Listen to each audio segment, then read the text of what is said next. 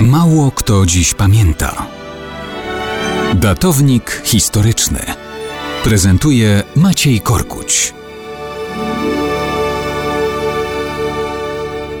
Właśnie w ostatnich dniach pojawiły się doniesienia o tym, że admirał Makarow znowu wybiera się na dno. Potwierdzonych wiadomości nie ma, ale z pewnością fregata rakietowa armii rosyjskiej admirał Makarow jest poważnie uszkodzona i będzie musiała przejść równie poważny remont. A to jest okręt nowiutki i kosztowny.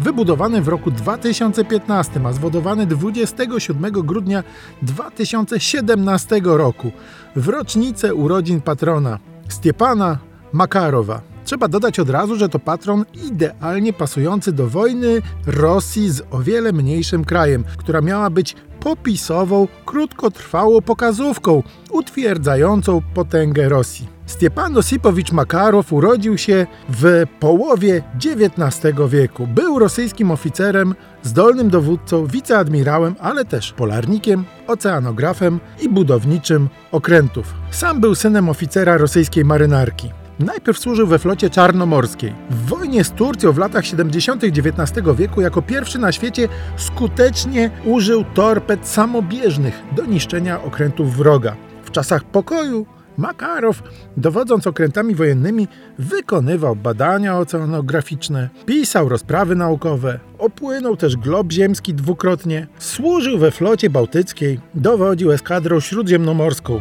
udoskonalał pociski artyleryjskie, konstruował lodołamacze do badań w Arktyce. Zajmował się wyszkoleniem marynarzy.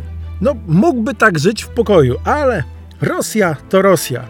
W 1904 roku Mikołaj II potrzebował małej, pokazowej wojenki z Japonią i taką rozpoczął. Makarowa mianował dowódcą eskadry Oceanu Spokojnego. Długo on nie powalczył. Poszedł na dno wraz z pancernikiem Pietropawłowsk, który płynął na japońską, całkiem solidną minę morską. Czy okręt jego imienia podzieli dzisiaj los swojego patrona? Hm, parzywiom uwidzim.